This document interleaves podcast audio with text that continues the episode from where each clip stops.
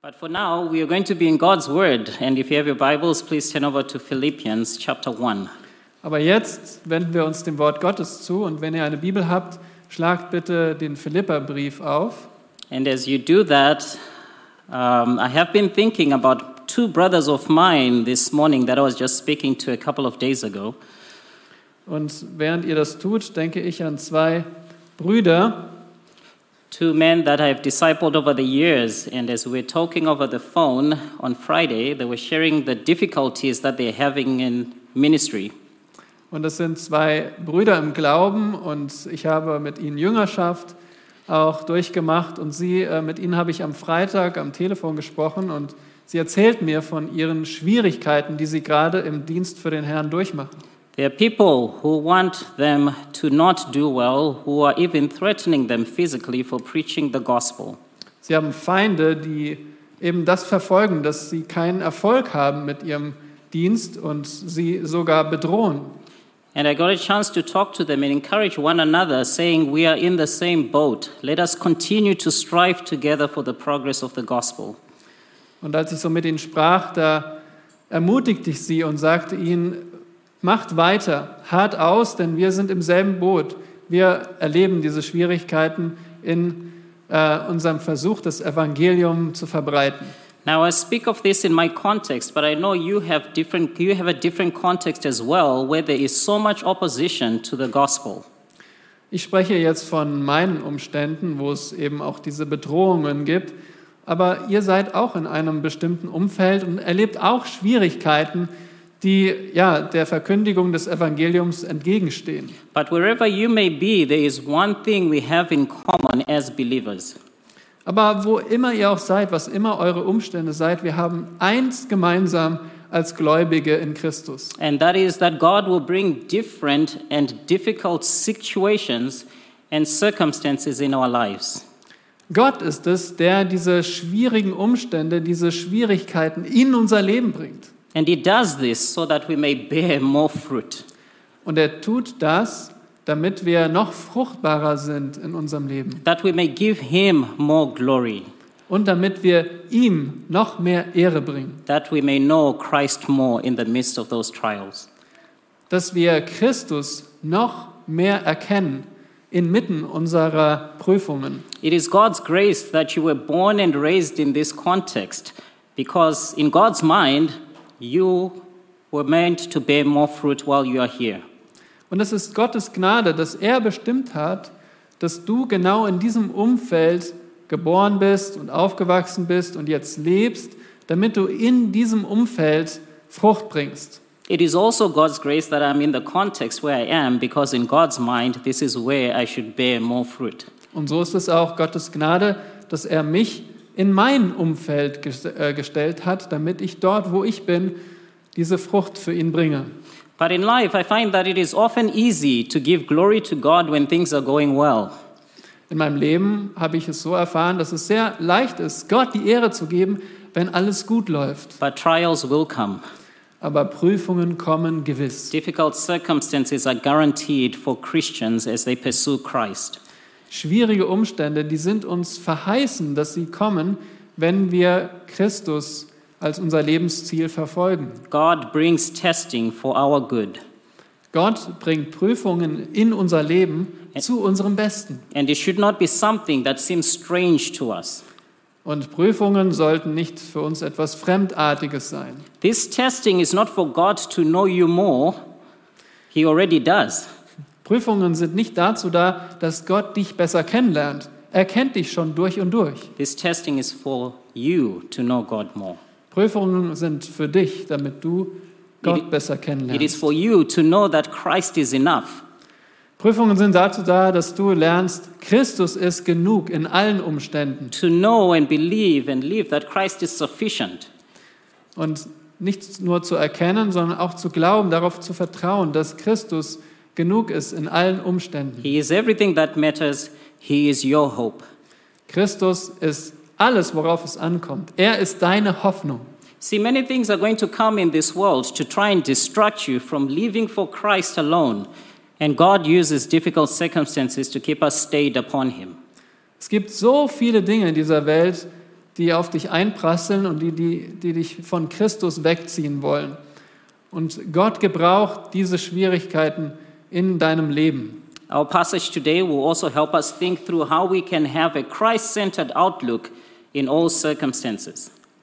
Unser Bibelabschnitt heute, der wird uns helfen, darüber nachzudenken, wie wir einen Christuszentrierten Ausblick in unserem Leben und in allen Umständen haben können. So let me pray for us as we get into Philippians chapter 1. Und ich werde jetzt für euch, für uns beten. Father, may you allow your word to be clear to us this morning.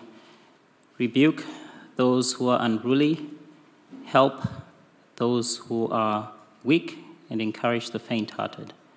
Ask and pray this through your Son's name. Amen. Amen.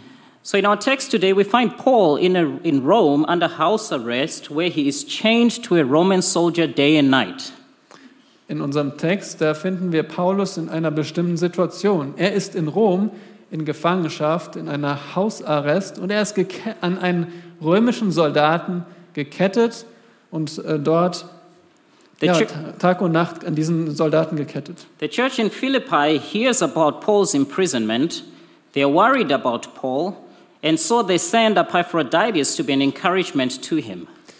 Die Philipper, die hören von Paulus Gefangenschaft und sie machen sich Sorgen. Sie machen sich Sorgen um Paulus und senden ihren eigenen Mann, den Epaphroditus, zu ihm, um zu erfahren, wie es ihm geht. If you recall, Paul had a long history with the church in Philippi that you read about in Acts 16, with those familiar texts about Lydia and the Philippian jailer. Und wenn ihr euch erinnert, Paulus hatte schon eine längere Geschichte mit den Philippern. In Apostelgeschichte 16 lesen wir, wie Paulus nach Philippi kommt und wie Lydia, die Purpurhändlerin, sich bekehrt und auch von dem, ähm, wie sagt man, dem Gefängniswärter, der sich bekehrte. When he writes this, this letter, it is now about 10 years since those accounts. Jetzt, als er den Philipperbrief schreibt, sind schon zehn Jahre vergangen, seit Paulus das erste Mal nach Philippi kam. Paul thanks them for this encouragement, but he also wants to thank them for the financial gift that they had sent to him as well. Und Paulus schreibt jetzt diesen Brief und dankt den Philippern für die Ermutigung, die er erfahren hat durch Epaphroditus, aber auch durch die finanzielle Gabe, die sie ihm geschickt haben. But before he does this, he wants to allay some of their fears. Doch bevor er darüber schreibt, will er zuerst einige ihrer äh, Ängste zerstreuen. He knows the church in Philippi cares for him deeply, and he wants them not to worry. Er weiß, die Philipper, die sind so ernsthaft besorgt um ihn und deswegen will er, dass sie sich keine Sorgen machen. But more than that, he wants them to know that even though Paul is in prison, the gospel has not been imprisoned. Und er will auch, dass sie eins verstehen, nämlich auch wenn Paulus im Gefängnis ist, das Evangelium ist nicht gefangen. Yes, this present circumstance is very difficult for him, but there is cause for great joy in the gospel progressing. Ja, in der Tat, die gegenwärtigen Umstände des Paulus sind bedrückend, aber es gibt eine, eine noch größere Freude, nämlich dass das, dass das Evangelium weiter voranschreitet. In chapters 1, verse 12 to 14, he shares that because of his imprisonment, he has had the opportunity to share the gospel with the Roman soldiers.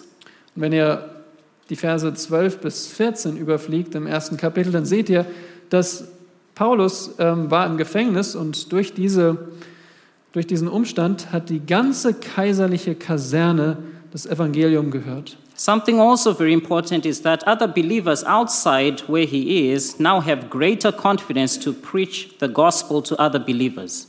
Und ein weiterer Effekt der Gefangenschaft Paulus ist, dass, ihr seht in Vers 14, dass, dass da Brüder sind, die umso mutiger sind, das Wort Gottes zu verkündigen, weil Paulus im Gefängnis standhaft bleibt. Paul understood that the primary reason that he existed, the primary reason that you exist, is that Christ may be glorified.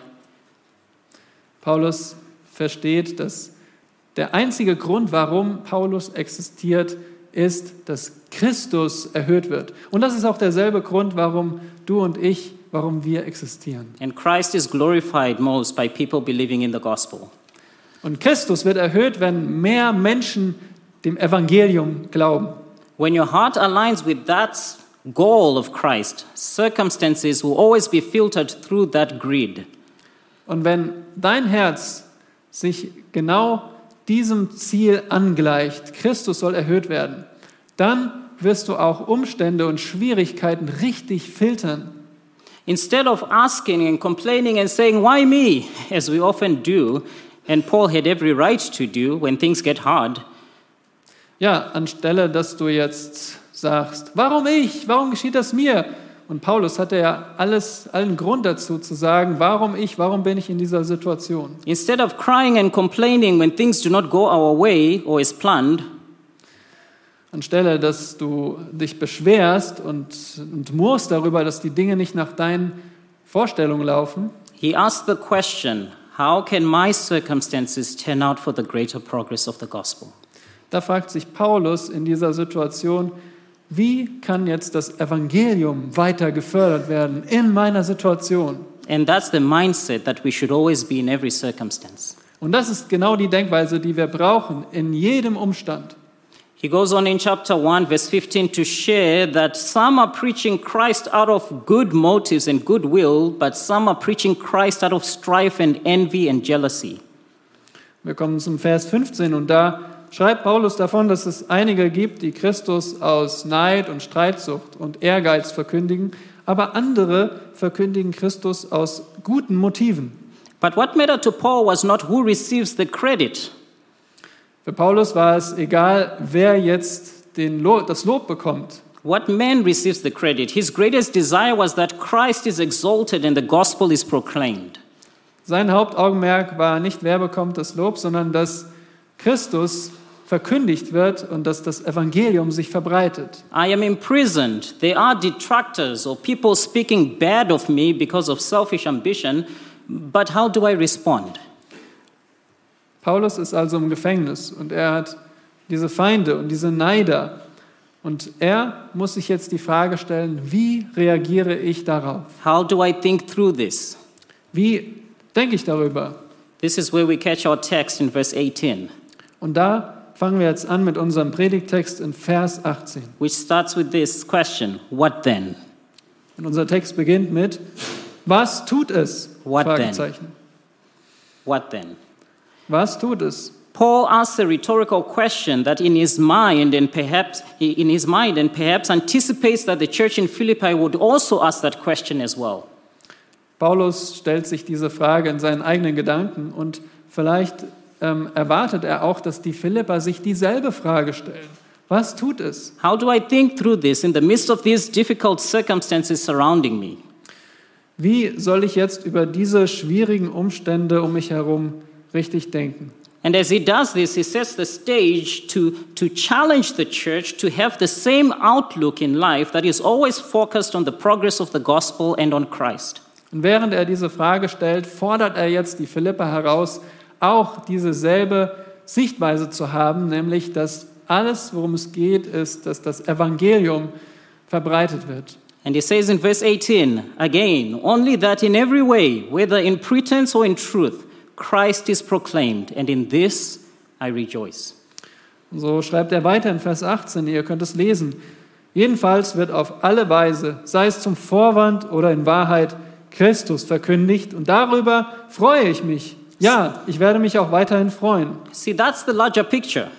Das ist das größere Bild. The larger picture is that Christ should be exalted in all things, and this is where I find my joy, Paul is saying. Paulus geht es darum, dass Christus in allem erhöht wird und darin findet Paulus seine Freude.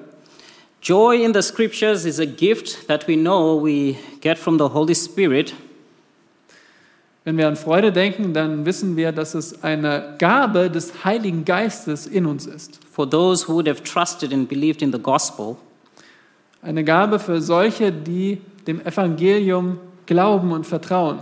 But it is also that firm confidence and trust in God and His sovereign will, no matter the circumstances.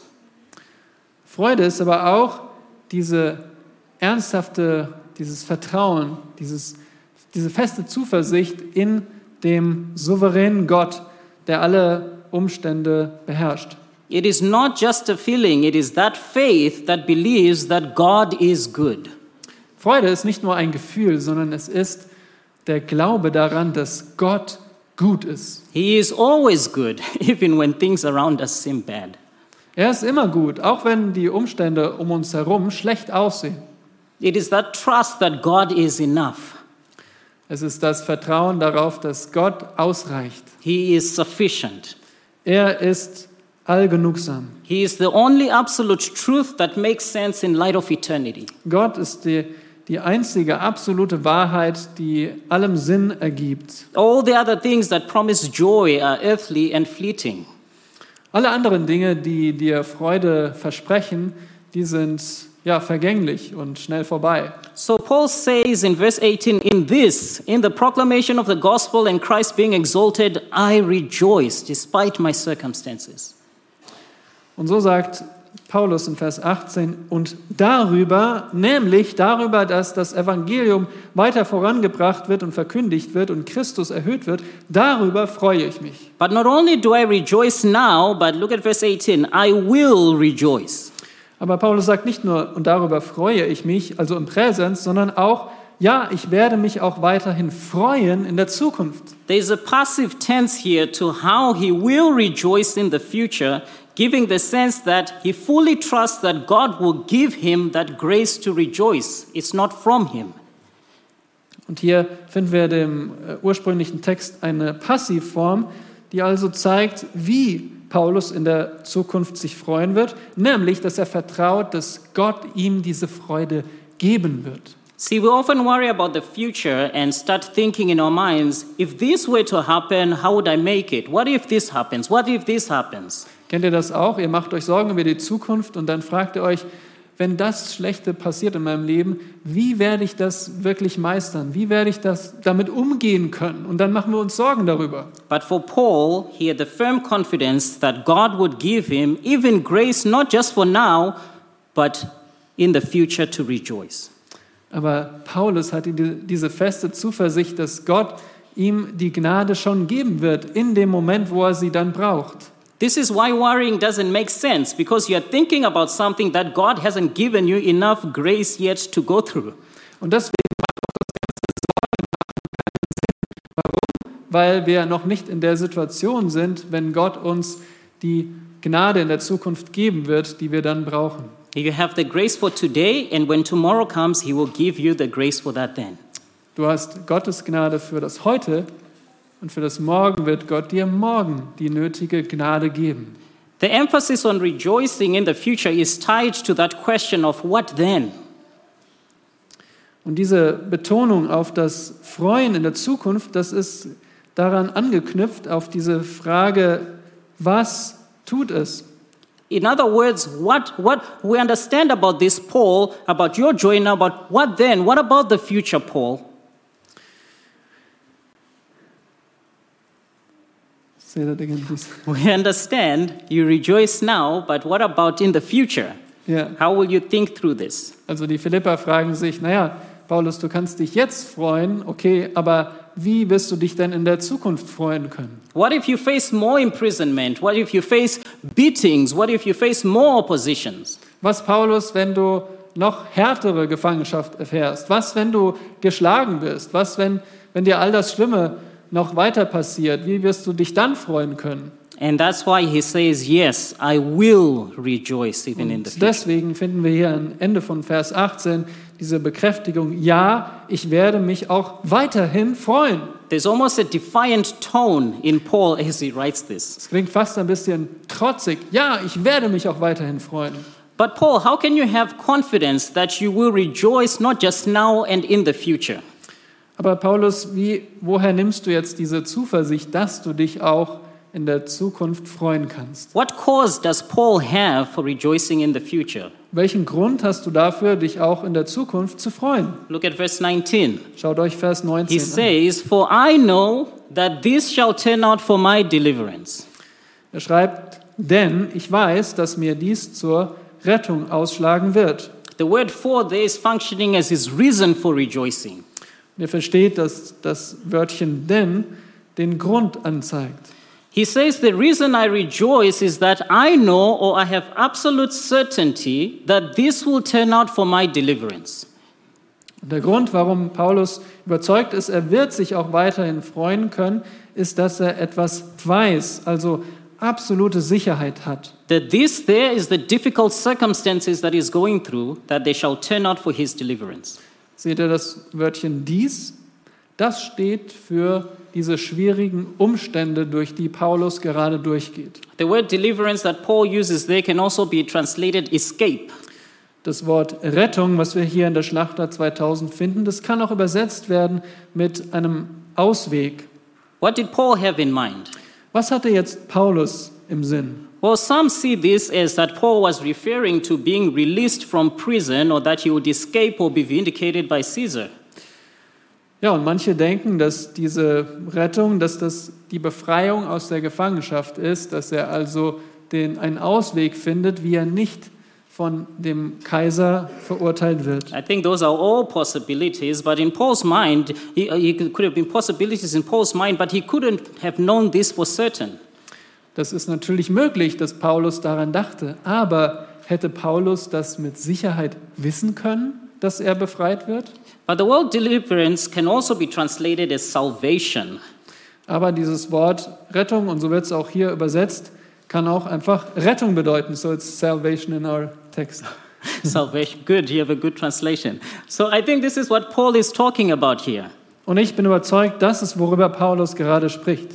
In Scripture, we are told of salvation in the past tense, in the present tense, and in a future tense. In der Schrift wird uns erklärt, es gibt eine vergangene Errettung, eine gegenwärtige Errettung und eine zukünftige Errettung. Speaking about justification, sanctification, and glorification. In der Vergangenheit ist das die Rechtfertigung, die einmalig geschieht, dann dieser Fortschritt, die fortschreitende Heiligung und dann die Verherrlichung. And I think at the very least for Paul, this is he's speaking about his sanctification and at the very most his glorification as well. Nun, Paulus wurde schon gerechtfertigt, als er glaubte. Und so bin ich überzeugt, Paulus meint mit der Rettung seine gegenwärtige Heiligung und dann seine zukünftige Verherrlichung. That Christ is using this situation to perfect him until the end. Paulus ist überzeugt, Christus benutzt diese, diese Umstände, um mich gerade mehr in sein Bild zu verwandeln und mich dann zu verherrlichen. Earlier on in Philippians 1, verse 6, Paul would have alluded to this by saying, For I am confident of this very thing, that he who began a good work in you will perfect it until the day of Christ Jesus. Und ich sehe mich bestätigt, wenn ich Kapitel 1, Vers 6 lese, wo es heißt, weil ich davon überzeugt bin, dass der, welcher in euch ein gutes Werk angefangen hat, es auch vollenden wird bis auf den Tag Jesu Christi. See, this is how a Christ centered mind thinks. Seht ihr, so denkt ein Christus-zentrierter Sinn. It asks the question how is this circumstance being used for my deliverance? Du fragst dich dann, wie gebraucht Gott gerade meine Umstände zu meiner Rettung? How is what I am going through right now being used for my sanctification? Wie gebraucht Gott gerade das, wodurch ich durchgehe, zu meiner Heiligung? How is this making me long more for Christ? Wie führt das mich gerade dahin, dass ich mich mehr nach Christus sehne? And when that question is asked, you will agree with Paul in any circumstance and say, Yes, I will rejoice. Und wenn ihr das so seht, dann werdet ihr mit Paulus übereinstimmen und sagen, ja, ich werde mich auch in der Zukunft weiter freuen. Because there's a greater purpose to all of this than just this circumstance. Weil es gibt ein, ein größeren, größeres Bild, eine größere Absicht hinter all meinen Umständen. But Paul, how will this happen, Paul? Or by what means will God deliver or save you? Aber wir haben noch eine weitere Frage. Wie wird, wirst du denn jetzt gerettet werden? Welche Mittel gebraucht denn Gott? And he says that in uh, verse 19 through your prayers or the prayers of believers, first of all. Und so nennt uns Paulus diese Mittel in Vers 19, wenn ihr seht, durch eure Fürbitte. That's the first way that this will happen. Das ist der erste Weg, auf dem diese Rettung passiert. Paul took prayer seriously and knew that while God is sovereign, he not only commands us to pray, but that he uses our prayers in how he works. Paulus nahm das Gebet sehr ernst und wusste, Gott gebietet uns nicht nur zu beten, nein, er gebraucht auch diese Gebete der Heiligen. And we need to constantly remind ourselves of that. Und wir müssen uns immer das wieder vergegenwärtigen, dass Gott die Gebete benutzt. Now, I don't know how it all works of His sovereignty and our prayers, but I know it's true because the Bible says it. Nun fragt mich nicht, wie das alles zusammenpasst, Gottes Souveränität und unsere Gebete, aber ich weiß, dass es funktioniert. James agreed with Paul in James chapter 5 verse 16 in saying the effective prayer of a righteous man can accomplish much. Und Jakobus, der äh, stimmte mit Paulus überein, denn er sagte, das Gebet deines Gerechten vermag viel, wenn es ernstlich ist. Paul knew that it mattered to God when he prayed for others and when others prayed for him. Paulus wusste, dass es Gott sehr wichtig ist, wenn er für andere betet oder wenn andere auch für ihn beten. He knew that the prayers of the saints have a part in him being delivered, and his prayers for the saints have a part in them being delivered. Und er wusste, seine Gebete, die haben einen Anteil daran, dass andere Gläubige errettet werden, gegenwärtig errettet werden. Und er wusste auch, dass die Gebete der anderen benutzt werden, damit er gegenwärtig errettet wird. What was he hoping that the church would pray for? Aber was hat er denn gehofft, wofür die Gemeinde beten wird? In the context for his deliverance, for him to grow through this process.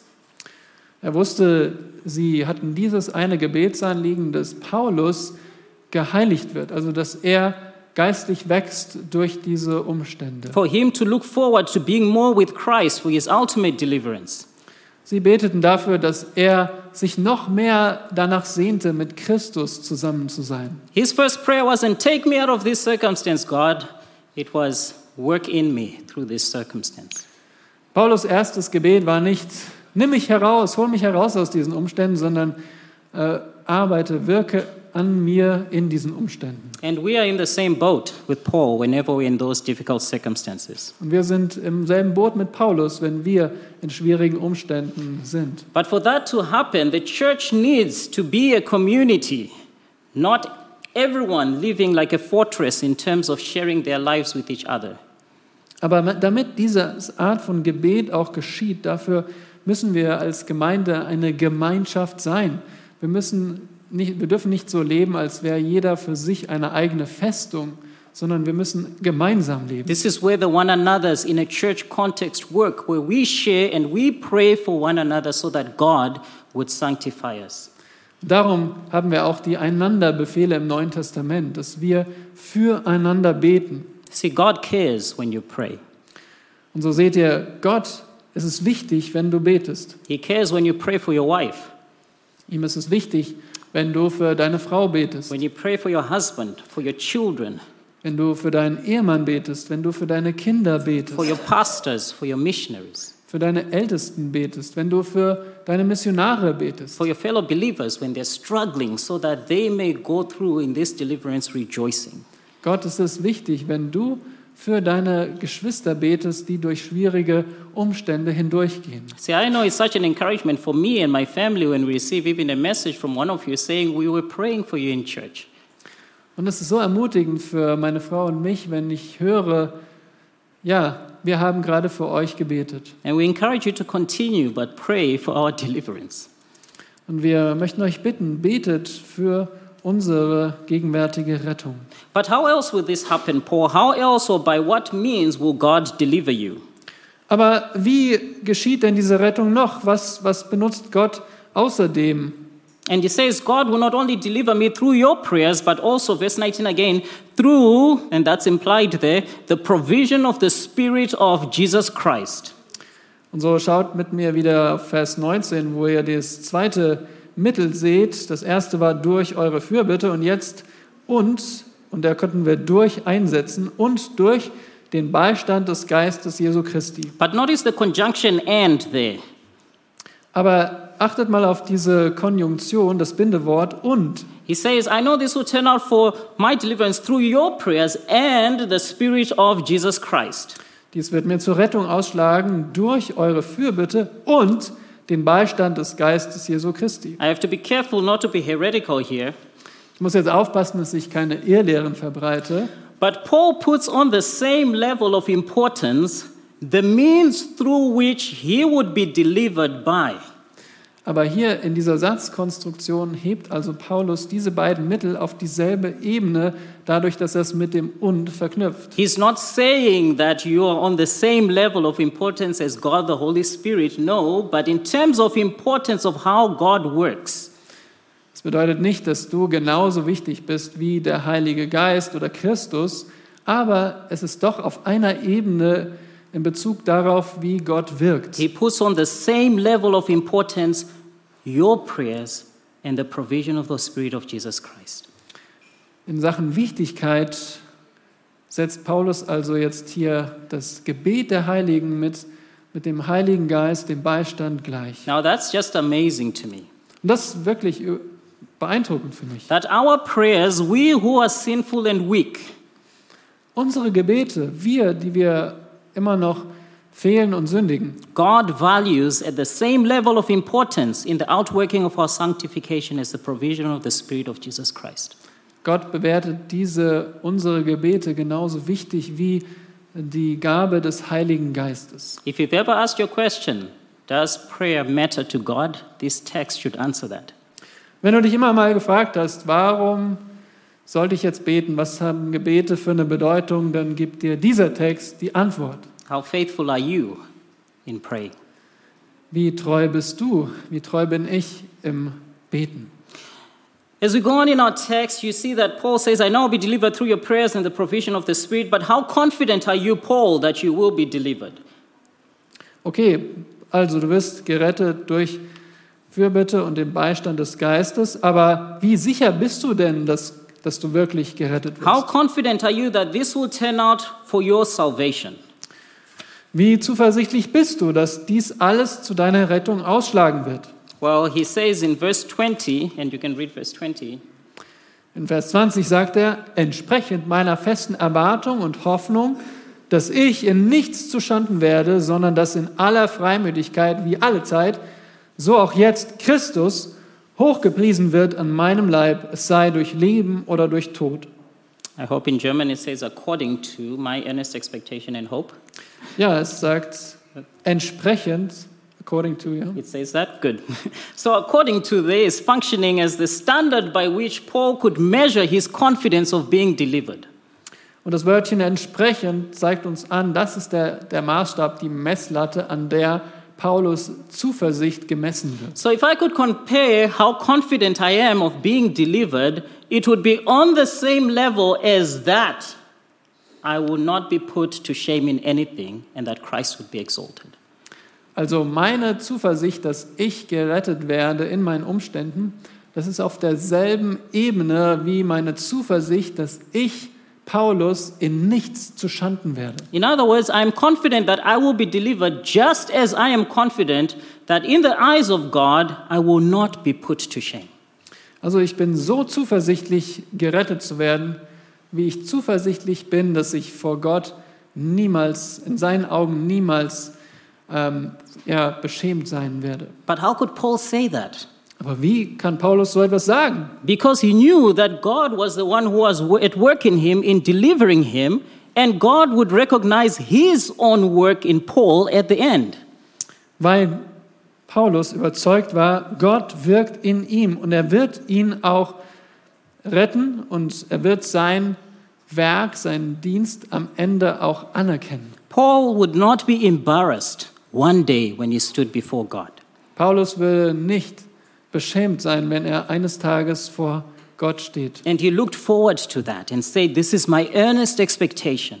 Und deswegen sagt Paulus auch hier, das ist meine, meine ernsthafte Hoffnung.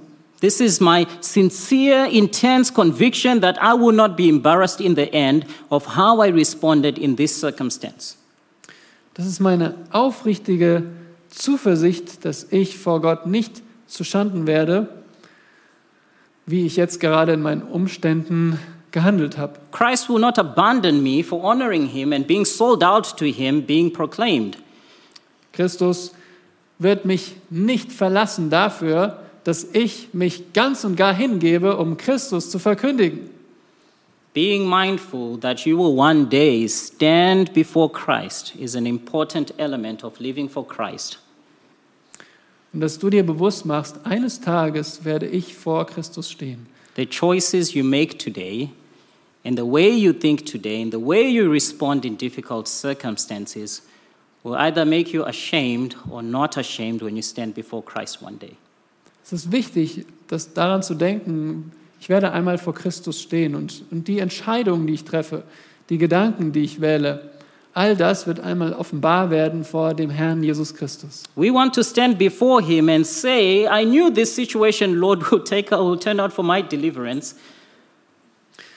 Und du willst vor dem Herrn stehen und sagen, ja Herr, ich wusste, diese Situation wird zu meiner Rettung hinführen. We want to stand and say, I thank you, Lord, that through the prayers of the saints and the hope, help of the Spirit of Jesus Christ, I trusted you and submitted my thoughts and perspective to your thoughts and perspectives.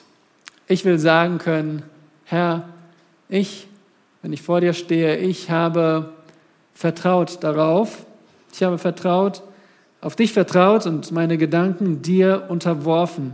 Und das durch die Gebete der Heiligen und durch deine Hilfe, durch die Hilfe des Heiligen Geistes. Und so habe ich die richtige Perspektive gehabt. But then in verse 20, he goes on to give a contrast when he says, I will not be put to shame in anything, but Christ will even now as always be exalted in my body, whether by life or by death. Und achtet mal auf diesen Gegensatz hier in Vers 20.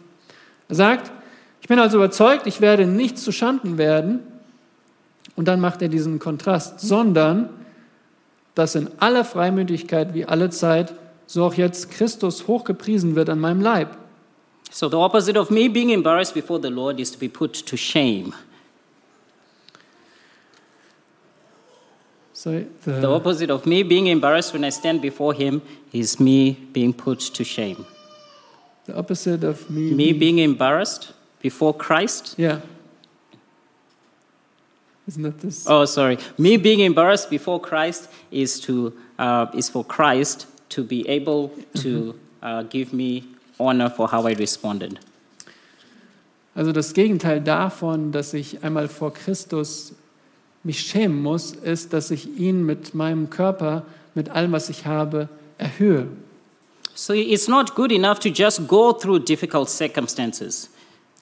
Es also nicht, es reicht nicht aus, dass wir einfach nur durch schwierige Situationen hindurchkommen. It also matters to God how you go through them. Für Gott ist es entscheidend, wie du durch diese schwierigen Situationen durchgehst. Is it for Christ's glory or for my glory? Geht es dabei um meine Ehre oder geht es um die Ehre Jesu Christi? Difficult circumstances often reveal who or what you're living for.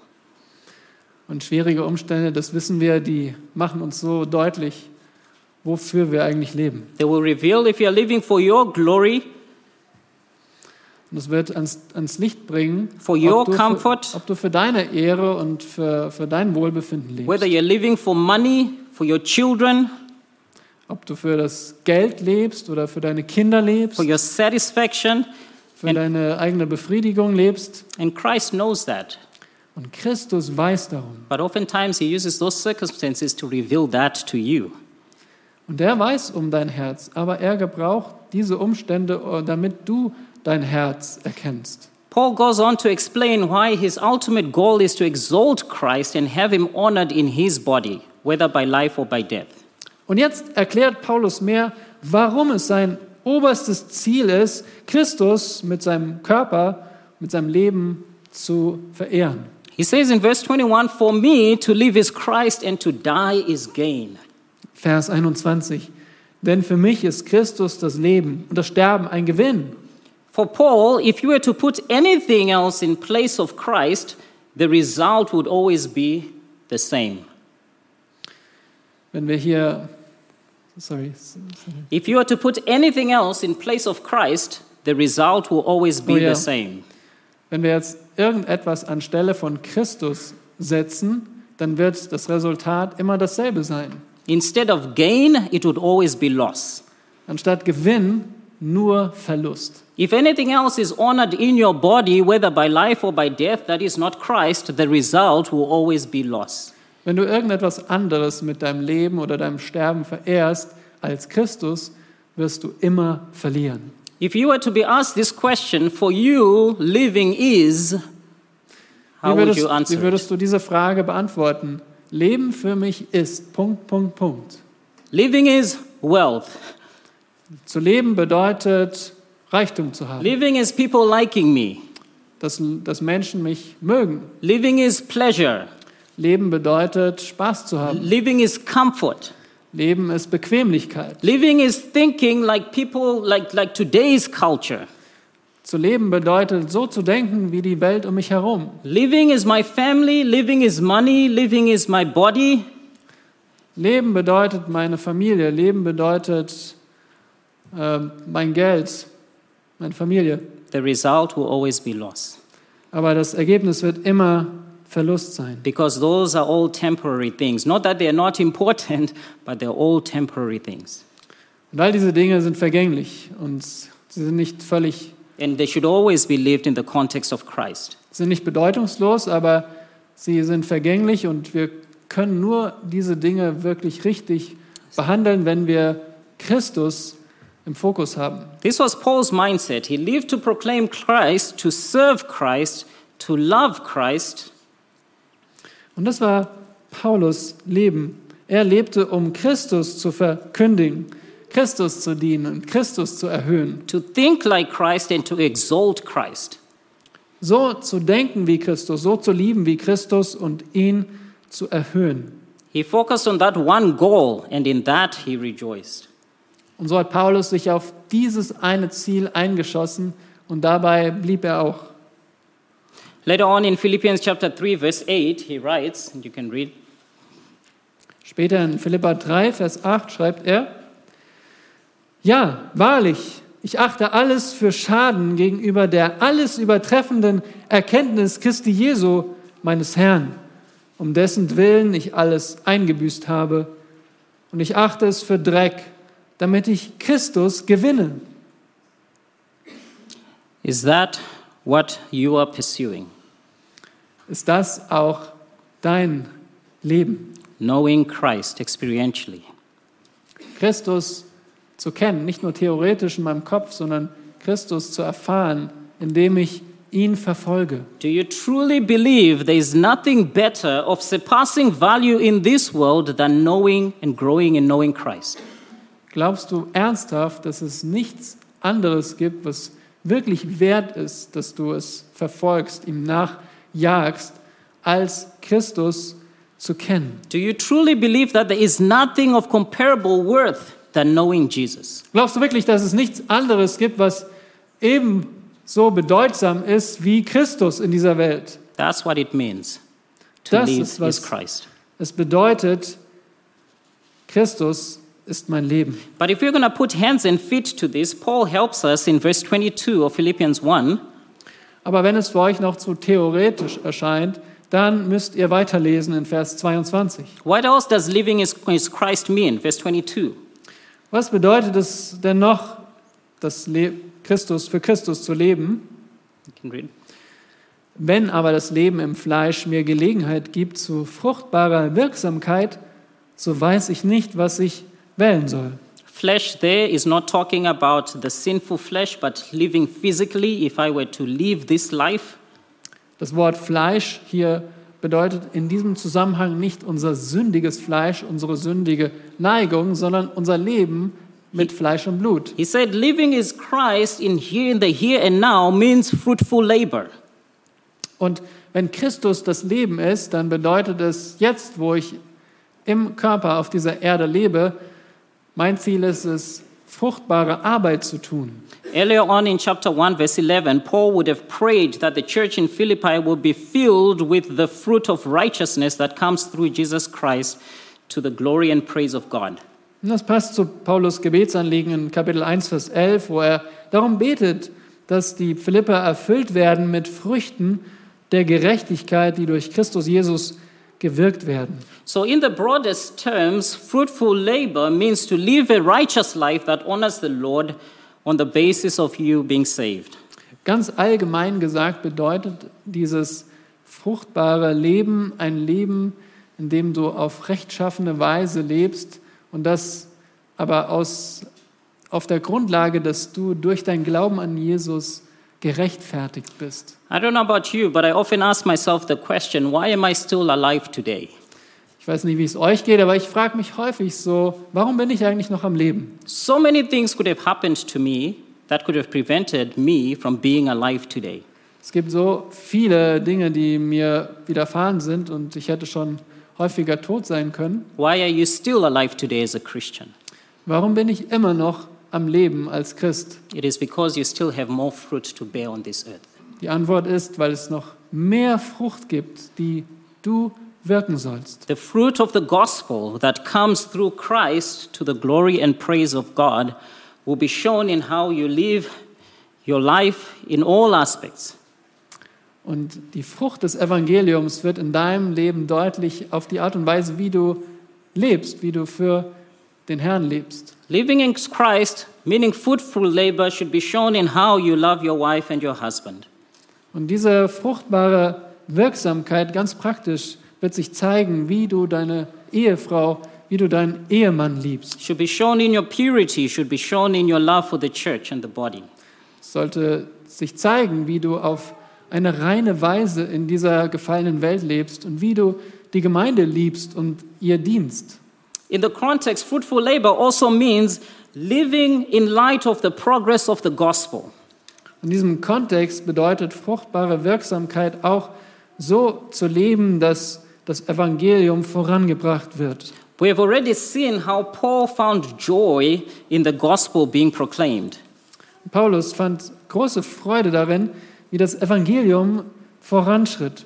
The church in Philippi, through their concern for Paul while he's in prison, was also producing fruit in this regard. Und die Philipper, die so darum besorgt waren, wie es Paulus geht, die waren auch so eine Frucht für Paulus. In Romans chapter 1 verse 13, Paul speaks of his desire to come to Rome so that he might obtain some fruit among them, even among the Gentiles. Und in Römer Kapitel 1 spricht Paulus auch davon, wie er sich danach sehnte, zu den Römern zu kommen, um euch etwas geistliche Gnadengabe mitzuteilen. So fruitful, being fruitful labor doesn't just mean a righteous life, but also more specifically includes or encompasses at its heart converts to Christ. Also geistliche Frucht bedeutet nicht nur ein rechtschaffenes Leben, sondern auch, dass Menschen bekehrt werden. Converts who are transferred from the kingdom of darkness into the kingdom of light, as you'll say later on in Colossians. Solche, die sich bekehren, die werden von dem Reich der Finsternis herüberversetzt in das Reich des Lichts. So to live as Christ has the idea here of righteous living, has the idea here of the gospel at heart. Christus ist das Leben, bedeutet also hier ein fruchtbares Leben, ein Leben für das Evangelium. But living as Christ also has the church in mind. Aber Christus ist das Leben, hat auch die Gemeinde im Blick. Look at verse 24 to verse 26. You can read. In Versen 24 bis 26 lesen wir, aber es ist nötiger, im Fleisch zu bleiben, um euretwillen. Und weil ich davon überzeugt bin, so weiß ich, dass ich bleiben und bei euch allen sein werde zu eurer Förderung und Freude im Glauben, damit ihr umso mehr zu rühmen habt in Christus Jesus um meinetwillen, weil ich wieder zu euch komme. See, it was not up to Paul when he would die or how he would die. Seht ihr, es war nicht Paulus überlassen, wann oder wie er sterben wird. It's always up to God, right? Es ist, liegt immer in Gottes Hand, richtig? But if you were to ask Paul, hey, Paul, if you had a choice, Aber wenn ihr Paulus fragen würdet, na, Paulus, stell dir vor, du könntest jetzt wählen. of, of not dying now, what, what reason or cause will make you defer not dying now? Wenn du jetzt nicht sterben müsstest, warum würdest du dann noch äh, weiter leben? He definitely knew being with Christ was much better. Er wusste, dass wenn er jetzt zu Christus geht, das würde auf jeden Fall viel besser sein. But the two things in this text that would make Paul defer dying and going to be with Christ, which he says in verse 23, are much better. Aber Paulus wusste, es gibt auch Gründe, die es besser machen würden, wenn er das, diesen Wunsch aufschiebt. The first is fruitful labor, which would progress the gospel, especially towards unbelievers. Warum sollte Paulus noch weiter leben? Nun, das, der erste Grund ist, äh, fruchtbar zu sein und das Evangelium zu den Ungläubigen zu bringen. The second was to see the progress and joy in the faith of other believers. Der zweite Grund ist zu sehen, wie die schon gläubigen Menschen jetzt vorankommen in ihrem It Glaubensleben. was in serving the saints. Es war einfach Dienst an den Heiligen. For what purpose would he serve the saints? Äh, Zu welchem Zweck würde er den Heiligen dienen? So that they might have more confidence in Christ or more cause to glory in Christ as they saw Christ's work in his life. Damit die Heiligen noch, noch überzeugter sind in ihrem Wandel mit Christus. Is this your outlook and perspective? Ist das auch deine Perspektive auf das Leben? Do you love God's people this much? Liebst du die Gläubigen so sehr? Do you love God's people and pursue to love them as much as God loves his people? Liebst du die Heiligen so sehr, wie Gott sie liebt? And we'll end with this. If I mhm. were, go ahead. Ja, wir werden jetzt damit enden. If I were to ask you to finish a prayer that I'm going to give you, how would you finish it? Wie würdest du ein Gebet beenden, das ich dir jetzt geben werde? Lord, don't take me home to heaven yet. Herr, nimm mich bitte noch nicht nach Hause in den Himmel. I still need to Ich muss vorher noch, finish that. jetzt beende das mal. I still need to. Ich muss vorher noch.